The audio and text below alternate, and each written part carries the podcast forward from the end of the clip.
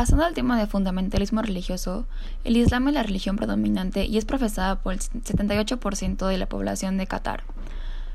En este país, cuya religión estatal es el Islam wahhabista, abandonar el Islam se castiga con la muerte.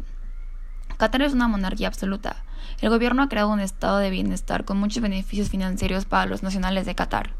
El gobierno espera obediencia a cambio y no permite ninguna oposición. Aunque los cristianos extranjeros son relativamente libres para practicar su fe, el gobierno supervisa todas las actividades.